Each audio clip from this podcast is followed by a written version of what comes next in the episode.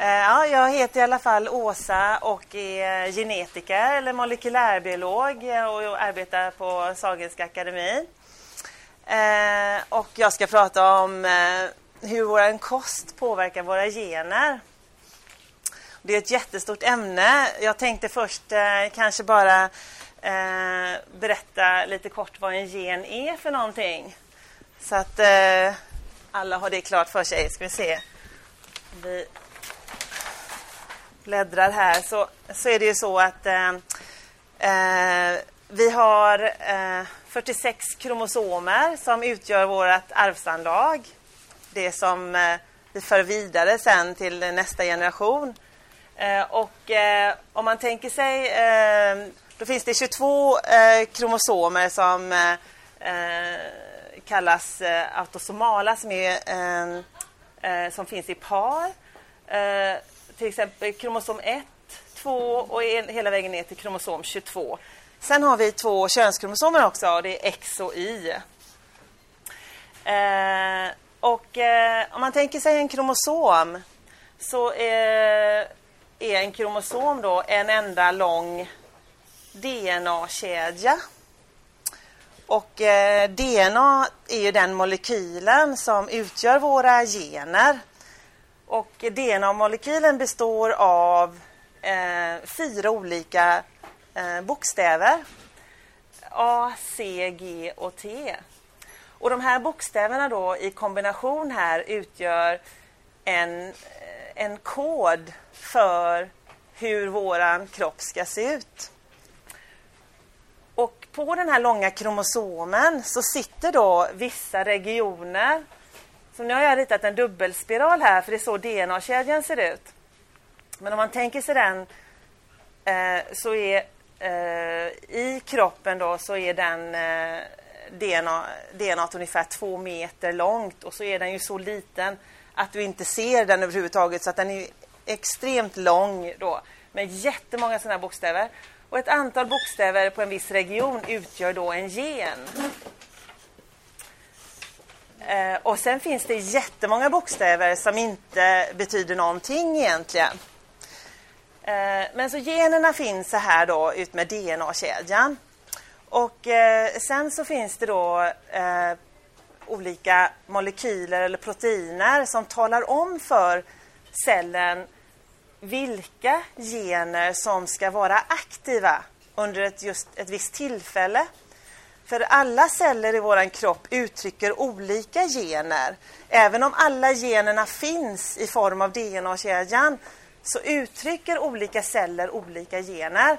Och då finns det proteiner som kommer, olika eh, proteiner som också är då gener som har blivit uttryckta. För generna uttrycks och blir till protein och proteinerna gör all, eh, de är liksom arbetarna i kroppen. Så då finns det också proteiner som binder till DNA-kedjan och markerar liksom en punkt där och säger att här nu ska vi uttrycka den här genen. Och sen kommer den genen att uttryckas och bli ett protein och det proteinet kommer att ha en viss funktion. Och eh, då, eh, då är det så att det som vi äter kan påverka det här uttrycket av proteiner och gener. Eh, uttrycket av gener till proteiner på olika sätt. Och det är hela tiden ett samspel mellan vår miljö och det vi äter och det som, som kroppen, hur kroppen reagerar och vad kroppen gör. Och eh, så ett exempel är till exempel det finns eh, olika vitaminer, vitamin A och vitamin D som är fettlösliga eh, molekyler de går direkt in i cellkärnan och i cellkärnan finns DNA. Så de, eh, de eh, vitaminerna de kommer in, om vi tänker så att det här är cellkä, eh, cellkärnan, så åker de in i cellkärnan och så binder de DNA. Antingen via att det finns redan en sån här markerad eh, eh, protein där så kommer vitaminet och binder här och när vitaminet binder så sätter en transkription av ett protein igång. Då. Så det finns lite olika nivåer på hur vår föda kan påverka våra gener. Och eh, ett sätt är det här direkta sättet då. att födoämnen går in i cellerna direkt och talar om den här genen ska vi transkribera nu, den här genen ska vi producera. Sen finns det lite mer indirekta sätt också som jag tänkte eh, ägna resten av eh, den här pratstunden om. Och det är eh, bland annat då eh, kan det vara indirekt så sätt att det som mamman äter när hon är gravid kan påverka genuttrycket av fostret ända in i vuxenlivet faktiskt. Eh, man har sett att bland annat folsyra som man vet är väldigt viktigt för ett fosters utveckling eh, och att ehm, den här DNA-replikationen som behövs till när man, när man eh, växer och cell, fler och fler celler bildas så är folsyra väldigt viktigt. Och man ser också så att om man har brist för folsyra så kan det bli vissa problem i fostret. Men man har också sett att om man får väldigt, väldigt stora mängder av folsyra så kan det faktiskt påverka någonting som heter eh, DNA-metylering. Och det, metylering av DNA påverkar om gener kommer att sättas på eller stängas av. Och, och i fostret så eh, eh kommer allt DNA att få en viss metylering som sen kommer att, att vara resten av livet. Så om man har fått väldigt höga nivåer av folsyra till exempel så kan den här metyleringen göra att gener är avstängda även när man blir vuxen och man kanske inte ens märker det förrän i vuxenlivet i form av olika eh, autoimmuna sjukdomar till exempel som diabetes och eh, multipel skleros och, och, andra saker då, som, som kommer senare i livet. Så det är en eh, lite mer indirekt effekt av vad vi äter, hur det kan påverka. Och sen är det också den effekten på populationen som det som vi äter kan eh, påverka en hel population. Och där har vi jättebra exempel på eh, laktosintolerans till exempel. Väldigt många av oss tål att äta laktos som finns i mjölk eh, även i vuxen ålder. Eh, speciellt här i norra Europa är det många av oss som tål detta. Medan i, i södra Europa och många andra delar av världen så tål man inte laktos i vuxen ålder. Och likadant eh, i andra populationer där mjölk har varit en väldigt viktig komponent av födan. Som till exempel i, i norra Afrika finns det också populationer som har förlitat sig väldigt mycket på mjölk i, som en, eh, sin föda. Och i de här populationerna så har då en, en speciell variant av den genen som bryter ner laktos utvecklats. Och den varianten har då blivit eh, väldigt fördelaktig att ha i en sån population. Vilket betyder att den går från kanske från en, en, eh, när den först blev till genom mutation. Många av våra genvarianter blir till av mutation som, som sker rent slumpmässigt.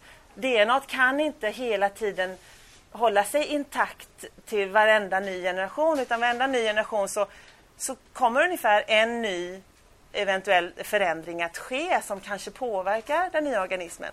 Och när en sån sker som då har en fördel då kommer den att bli väldigt vanlig i populationen.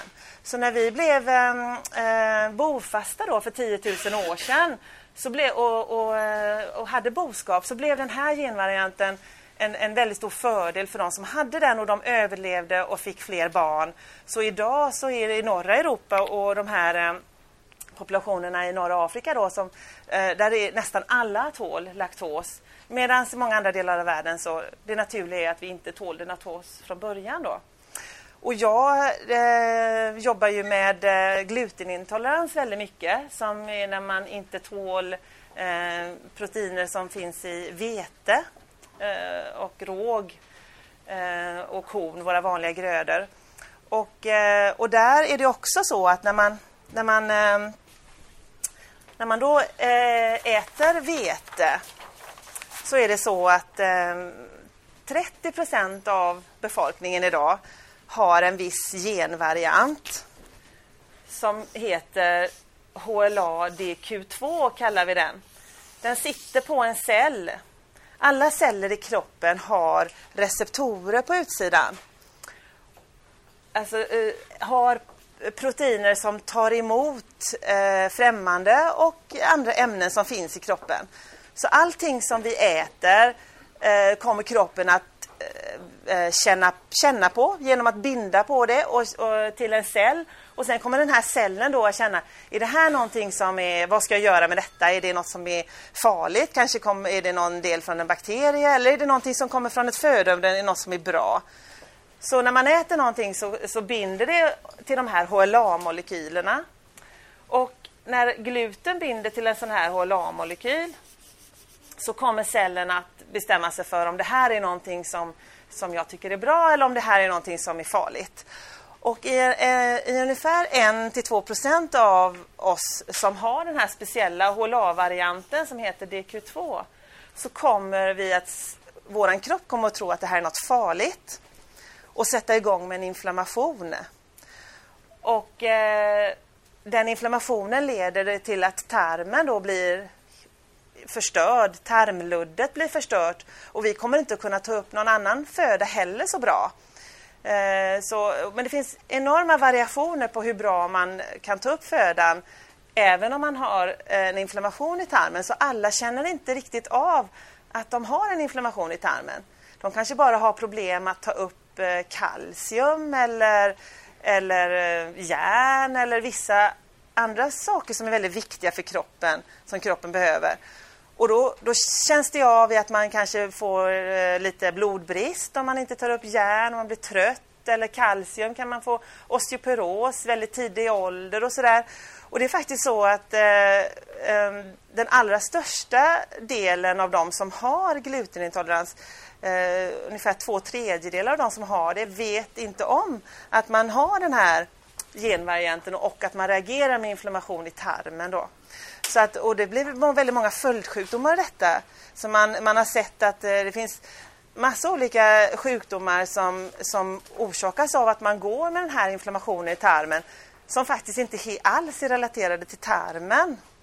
Eh, och även om vi har lärt oss väldigt mycket de senaste åren om hur man ska diagnostisera glutenintolerans som också kallas celiaki så är det fortfarande så att när man gjorde en screening för ett par år sedan i Umeå här med 12-åringar så var det så att eh, 22 stycken av 1000 eh, hittade man som var sjuka fast de inte visste om det. Och det är 2 procent av de här 12-åringarna då. Eh, så att det är en väldigt vanlig eh, åkomma detta och det betyder ju inte att alla inte kan äta vete eller eh, att vete är dåligt överlag eller så, utan men just för de som har den här genvarianten och som också har andra kanske miljöfaktorer eller gener som, som gör att de är extra känsliga för vete. Så ja, så om man säger liksom att eh, allting som man äter kommer ju kroppen att reagera på på något sätt och kroppen, även eh, eh, näringsämnen interagerar hela tiden med våra celler och orsakar eh, olika gener att uttryckas, att inte uttryckas, att, att stängas av och sättas på. Och sen är det vissa näringsämnen då som påverkar direkt eh, och vissa väldigt indirekt då på populationsnivån. Så att, eh, ja, det var väl eh, lite så det som jag hade tänkt att berätta. Jag vet inte om ni har några frågor kanske så kan jag ta det. Ja. Ja, det är så att havre, tillverkningsprocessen av havre är eh, att man inte riktigt kan garantera att det inte har kontaminerats av vete eller andra grödor.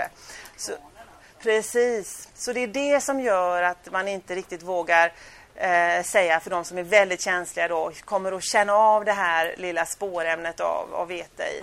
Men det finns ju då havre som är tillverkat eh, med mycket starka restriktioner och så som, som man kan köpa istället då. Men det är inte i vanliga affärer? Nej, och säkert mycket, mycket dyrare. Ja, ja, precis, precis. Så att, eh, ja.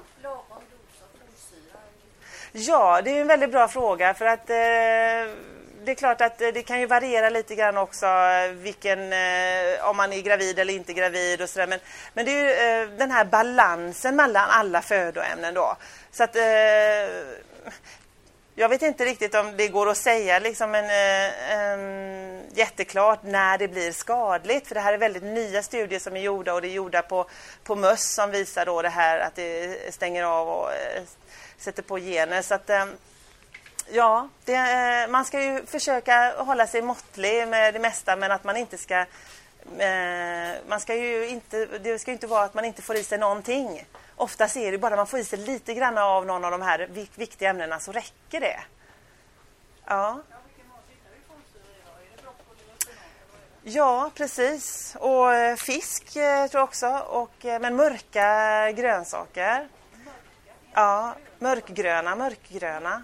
Mörkgröna, ja.